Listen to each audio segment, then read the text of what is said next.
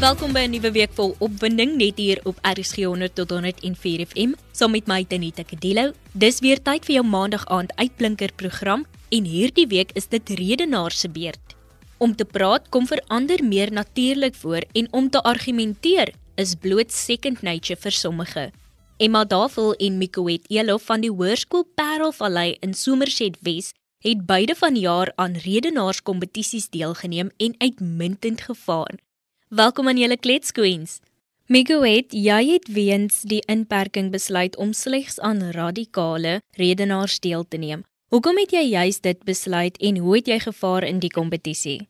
Ek wou eintlik in graad 7 breek gevat het want ek neem al elke jaar van graad 1 af aan redenaars deel. Dit vat ongelooflik baie tyd om 'n praatjie te skryf, af te rond en dan in te oefen, maar ek het op nommer 99 besluit om wel deel te neem Verlede jaar was ek afdelingwenner by Podium Pret en Stellenbosch Ice Stepfit. So ongeag van COVID was ek hierdie jaar net rustig geweest en my eerste jaar van hoërskool geniet. Maar radikale redenaars is 'n ongelooflike kompetisie waar daar meer as 8000 leerders deelneem en 1600 leerders deelneem aan die finaal. Dit is 'n unieke kompetisie wat fokus op kwaliteitsprekers en klem plaas op die opbou van redevoering in Suid-Afrika en ek is gelukkig genoeg om op hierdie stadium deur te dring vir beide Afrikaans en tweetalig na die nasionale finaal van radikale redenaars. Ek was baie bly toe ek hier nuus hoor.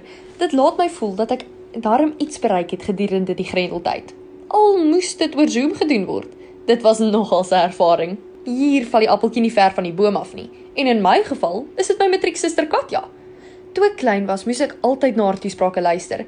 Ek het toe net eendag my familie verbaas toe ek haar een toespraak woord vir woord begin voordra. Ek neem aan dis waar die gogga begin byt het. Jy is nog steeds ingeskakel op RSG 100 tot 104 FM saam met my Tanita Kadello. Ek gesels met Emma en Mikoet oor hulle uitmuntende prestasies by die redenaarskompetisie. Waar het die passie vir redenaars begin? Ek was nog nie in die skool nie en my ma was 'n redenaarsafrigter by die skool waar sy skool gehou het en wanneer hulle naweke en vakansies geoefen het, ek altyd saam gegaan het. Die pret en samesyn van interaksies, tussen groepe, het, is iets wat my aangespoor het, want ek wou dit ook hê. Die ongelooflikste ding vir my is dat die leerders wat my ma jare terug afgerig het, nog steeds die moeite doen om by my finaal te kom ondersteun. Ek bly maar weg van politiek af. Dit kan jou of in die moeilikheid bring of net meer negatief maak. So, ek praat oor waarvoor ek 'n passie het. Byvoorbeeld tennis, dit leer my deursettingsvermoë en natuurlik familie en vriende se lewenslesse wat byvoorbeeld leierskap en spanwerk is. Dit is altyd goed om in jou toespraak in te werk. Dit is regtig ongelooflik om te sien hoe mense jou ondersteun wat jy wil hê en jou drome en om dit waar te maak. Watter voordele het redenaars vir akademiese groei en dan ook jou persoonlike groei? In die skool help dit my met selfvertroue op te bou met mondelinge, dramaproduksies en deelname aan gesprekke in die klas. En by die huis kan ek ook persoonlik my opinie lig en my man staan al is ek jongste. Dit leer my om op my voete te dink, want ons familie hou nie sommer terug wanneer ons verskil met mekaar nie. Akademies dink ek is die grootste voordeel aan um, en dat mondeling iets is wat ek nie vrees nie. Dit is gewoonlik die dinge wat meeste leerders vrees of haat maar ek geniet dit en dit het die grootste invloed op my taalpunte. Vir persoonlike groei sal ek sê dis eerder 'n vaardigheid wat 'n mens aanleer. Mens leer om vinnig op jou voete te dink as iets fout gaan, om deur te druk alselfs voel jy siek en moedeloos en om jou sê te sê want dit maak beslis saak. Wat is vir jou van die beste onderwerpe of temas om oor te praat? Beslis dinge wat ons as jeug van toepassing is. Ek verkies 'n tong in die kies onderwerp. Beslis iets met humor. Voorbeeld, een van my gunsteling toesprake was tieners wees is nie vir sissies nie. Dit klink na 'n baie interessante een. Watter advies het jy vir ander redenaars en wat is jou boodskap vir die matriekklas van 2020? Vir ander redenaars wat nou begin, sal ek sê hou aan probeer. Moenie moed opgee nie en onthou as jy oor jou woorde struikel, die gehoor weet nie wat weer kaartjies is nie. Maar die belangrikste is geniet dit. As jy dit geniet, gaan die gehoor dit geniet. En aan ons matriek wil ek sê, ons kyk nog net soveel op na julle soos in Januarie toe ons by die skool ingestap het. As julle matriekjaar so groot struikelblok soos COVID inhou en jy dit kon baas raak, kan niks wat hierna volg onderkry nie. Ek vergelyk redenaars baie met 'n atleet in 'n wedloop. Die adrenalienpomp, maar as dit klaar is, voel jy werklik soos 'n oorwinnaar, of jy nou wen of nie. Dink so daaraan. Jy het vir ongeveer 6 minute die gehoor se aandag, waar net jy jou opinie kan lig en niemand mag terugpraat nie. Dis mos lekker. Baie sterkte vir eksamens. En onthou, almal is in dieselfde bootjie. Kyk, die projeksie in hierdie twee stemme roep my onmiddellik tot aandag. Dankie Emma en Miko het dat julle saamgesels het en julle passie vir redenaars met ons gedeel het. Ons volgende gas, Jerome Kutse, deel hierdie liefde vir debat saam met die twee. Jerome, welkom en dankie dat jy jou storie vanaand met ons gaan deel. Um hallo Denita en luisteraars. Jerome Kutse, eerstens is 'n 22 jaar wat lief is vir die lewe en mense. Um my vriende sal vir jou sê ek is hardwerkende mens. Maar ek sê ek doen wat ek moet om te oorleef en dis wat ons almal moet doen baie kere dan sal ons almal skryf op Twitter gewoonlik #the_struggle en dan sê ek maar ek kan nie die #the_struggle skryf nie. Ek kan ek ervaar dit en ek moet gereeld deurdruk die alles dit. Uh, ek het groot geword in Uitse Kensington het uiteindelik Bishop Lewis by tans woon. John Ramsey sekondêr was my hoërskool en ek het uh, besluit om verder te gaan studeer by Universiteit van Weskaapland en het my BA-graad in Afrikaans, geskiedenis en Engels ontvang as ook 'n honeursgraad in Afrikaans letterkunde en ek is tans besig met my meestersgraad um, wat fokus op Afrofuturisme en Afrikaanse letterkunde en ek werk ook as 'n tutor. Nou dat ons weet wie Jerome van die Lywes is, wil ek bietjie gesels oor die stereotypes en die stigmas wat hang rondom die area Bishop Lywes. Jy is 'n produk van hierdie area en jy is 'n produk wat wys dat waar daar 'n wil is, is 'n weg. Was hierdie 'n maklike pad vir jou en wat is van die struikelblokke wat jy moes oorkom?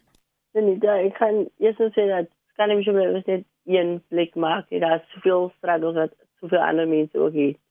Maar wat vir my baie keer uitgestaan het, waar ek altyd vir mense sê, dit was die swakheid, die die soek na rolmodel veral. Um iemand wat vir jou kan lei deur baie goed.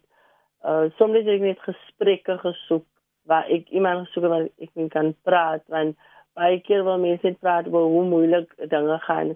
Ek het ook gegaan deur die hele um ding van jou vriend verloor. Vriend is geskiet of jou vriend in 'n roepgeval gewees en hy was beroof en hy is dood gestiek ek ken ook wat dit is om sê maar ons gaan dalk miskien nou hoor om gaan slaap vanaand maar nog altyd dan kom daar iets altyd deur en ek is so dankbaar aan uh, my moeder vir woorde altyd wat sy gesê het dat ek nou altyd deurdruk wat ook al van die plek of die omstandighede is nie die einde nie dit is nie my alles nie daar is soveel meer.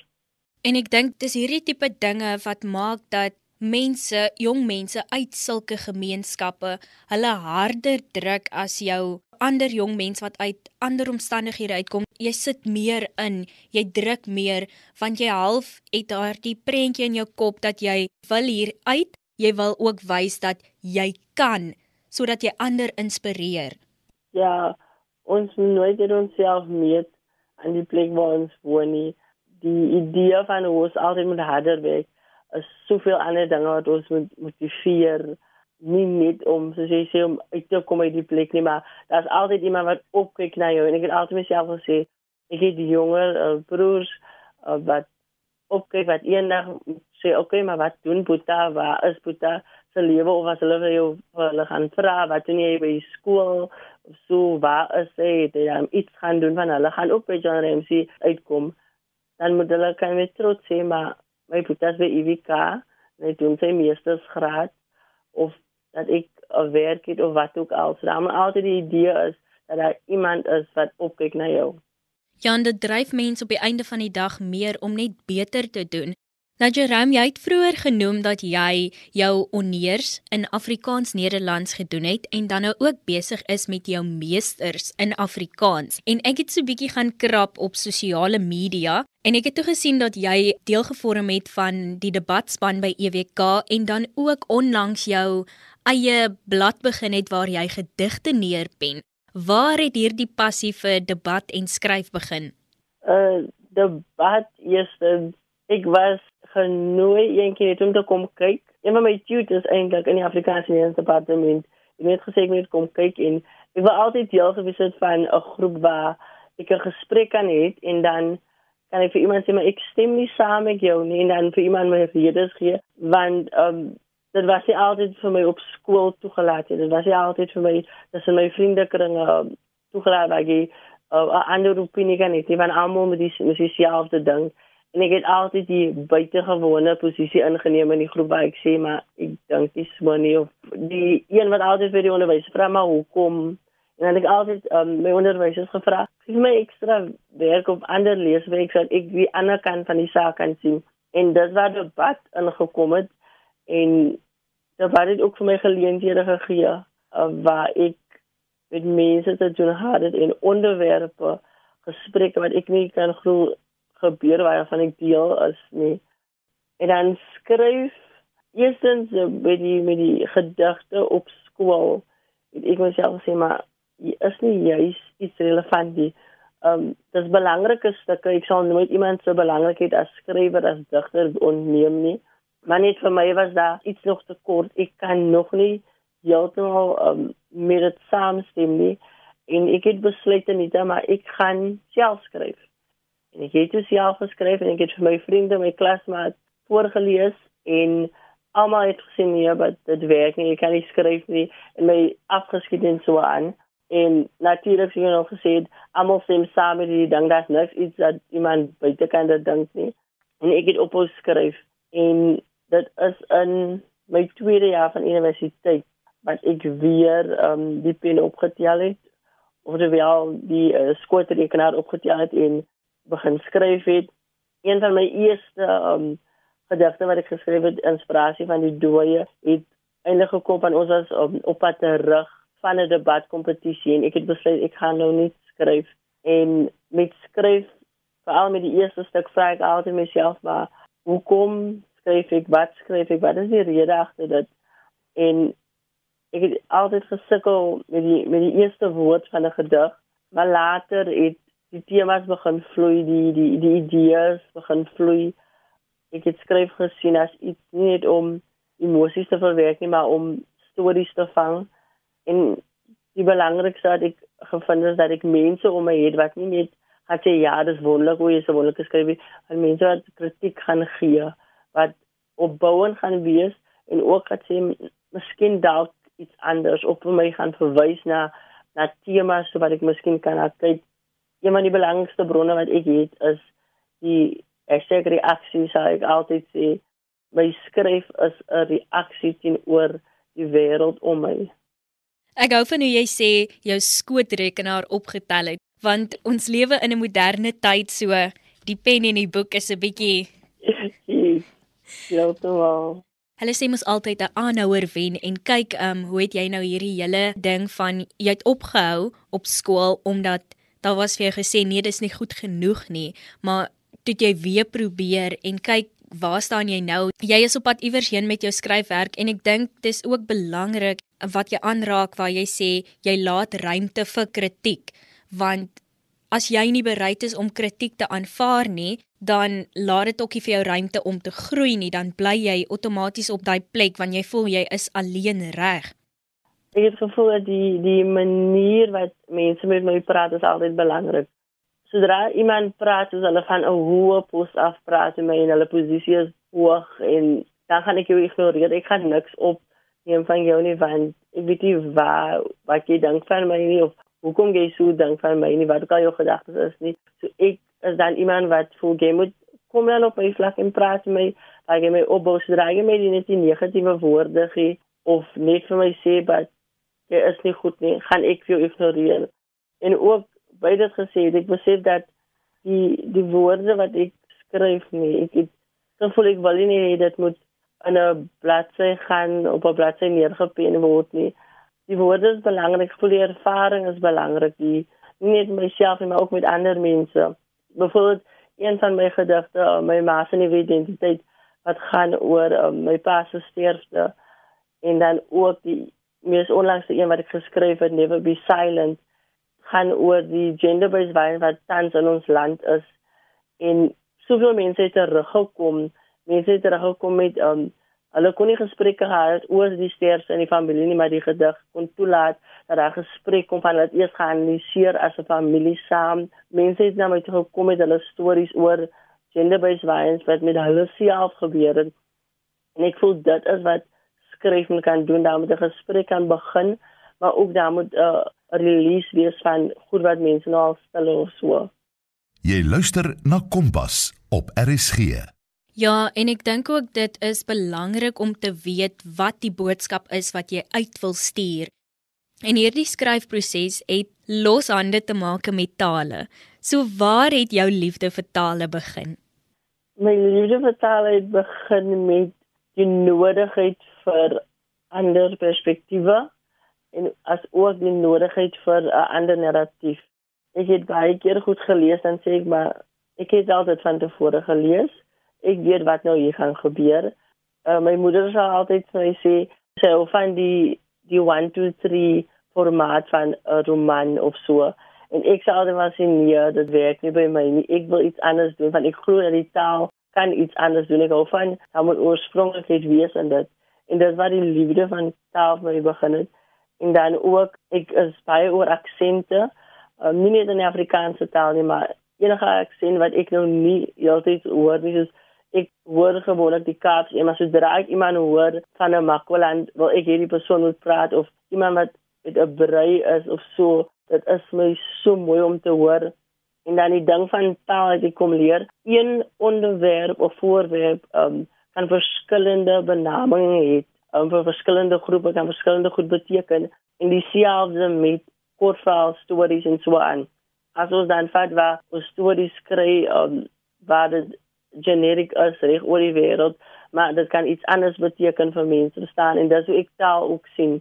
Taal het verskillende elemente wat dan um, vir ons skryf maar ook vir ons saam kan bring Jerome, jy is nou besig met jou meestersgraad en aan die begin het jy genoem dat jy deel vorm van hierdie #thestruggle en nog daagliks dit probeer oorwin. Waar het die finansiële ondersteuning vanaf gekom vir jou studies? Uh, dit nie te my dit te praat met ek jou begin by my um, graad 10. Um terwyl ek in graad 10 was het ons familie 'n groot nood gehad waar daar nie genoeg geld in die huis is inkom nie of daar's nie genoeg kos en so aan. En ek het besluit maar um, ek gaan gaan werk en ek werk nou vanaf graad 10 en elke jaar nadat ek, ek nou 'n werk gehad um, net sodat ek die die spasie kon volstaan maar ek het ook besluit ek wil ook studeer. En een van die woorde van my onderwysers was moet nooit geld gebruik as verskoning om nie te gaan studeer nie daar is geld. Jy moet net werk vir dit en wys dat jy soveel meer werd is. En dit het heeltemal by my gebly en ek het um, maar soos alle studente aansoek gedoen vir vir NSFAS soos ek aanbeweeg het op kampus mense ontmoet het die debatspan is deel van dit gewees vriendekringe het groei en so aan het ek um, van beurse gehoor aansoek gedoen en so aan. En een ding wat ek moet sê jy moet nie net verwag dat iemand dit vir jou gaan gee nie. As jy nie gaan vir dit of praat met mense nie, daar die e-pos hier wat jy soveel voor vrees oor het, um uit gaan stuur, niemand anders gaan dit vir jou doen nie. En dit het um laatnagtige kos maar ek het 'n beurs gekry uh vir my honeursjaar en my meestersgraadjaar en dit is dan die dienste merit beurs gewees.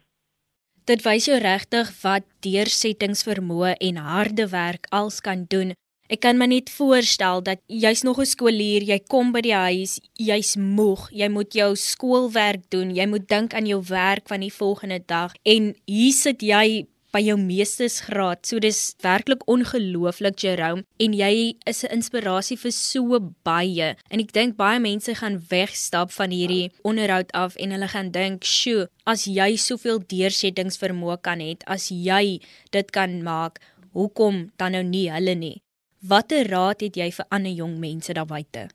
Eerstens, sal ek sê vir al my vriende altyd sê, 'n goeie koppie tee sonder suiker, ja, sonder suiker het nog nooit skade aan my gedoen nie. So ek gee raad aan mense, kry vir 'n goeie koppie tee in jou liggaam en dan sal dinge sommer stukke beter wees. Um en dan weet ek nie of dit raad is net in die tyd. Ek kan nou nie presies dit raad noem nie, maar ek ek wil dan aan mense, jong mense net sê die woorde, ek is trots op jou um, want ek voel dat daar baie mense is wat dit nie hoor nie. En ek wil baie graag hê dat mense wat wat dit hoor wat my lewe um, ken of wat luister na my moet weet dat Jerome Kutsie is so trots op jou. Veral um jong mense, veral mense wat in graad 8 is. Ek weet daar is soveel negatiewe dinge oor die gemeenskap en so aan. So aan daardie mense wat ek sê ek is trots op jou, ek is trots op hoe ver jy gekom het en uh, jou storie is so belangrik as jy dit gaan vertel, gaan niemand anders dit doen nie. En as iemand anders jou storie gaan en vertel, gaan hulle dit verander, hulle gaan ander woorde, ander goed bysit en dan gaan jy nie kan kla oor dit nie. So jy is belangrik. Jou storie is belangrik. En dan ehm um, nog iets wat ek saam met altyd draai vir mense altyd draai, sy wou ook my studente en so aan. Ek altyd sê daar gaan altyd iemand is wat jou gaan wil afdruk, wat jou gaan van sleg praat, ons weet hoe dit gaan in die lewe. Dat daar altyd die negatiewe is, maar jy moet besluit as jy 'n aanvaller gaan wees en die ding wat ek al gedoen het en besluit het, want ek het self gesê of dit nou kollegas is of nou vriende is of dit familie is, ek besluit om nie aanvaller te wees nie en ek besluit ook self ek besluit dat ek ook nie 'n slagoffer gaan wees nie.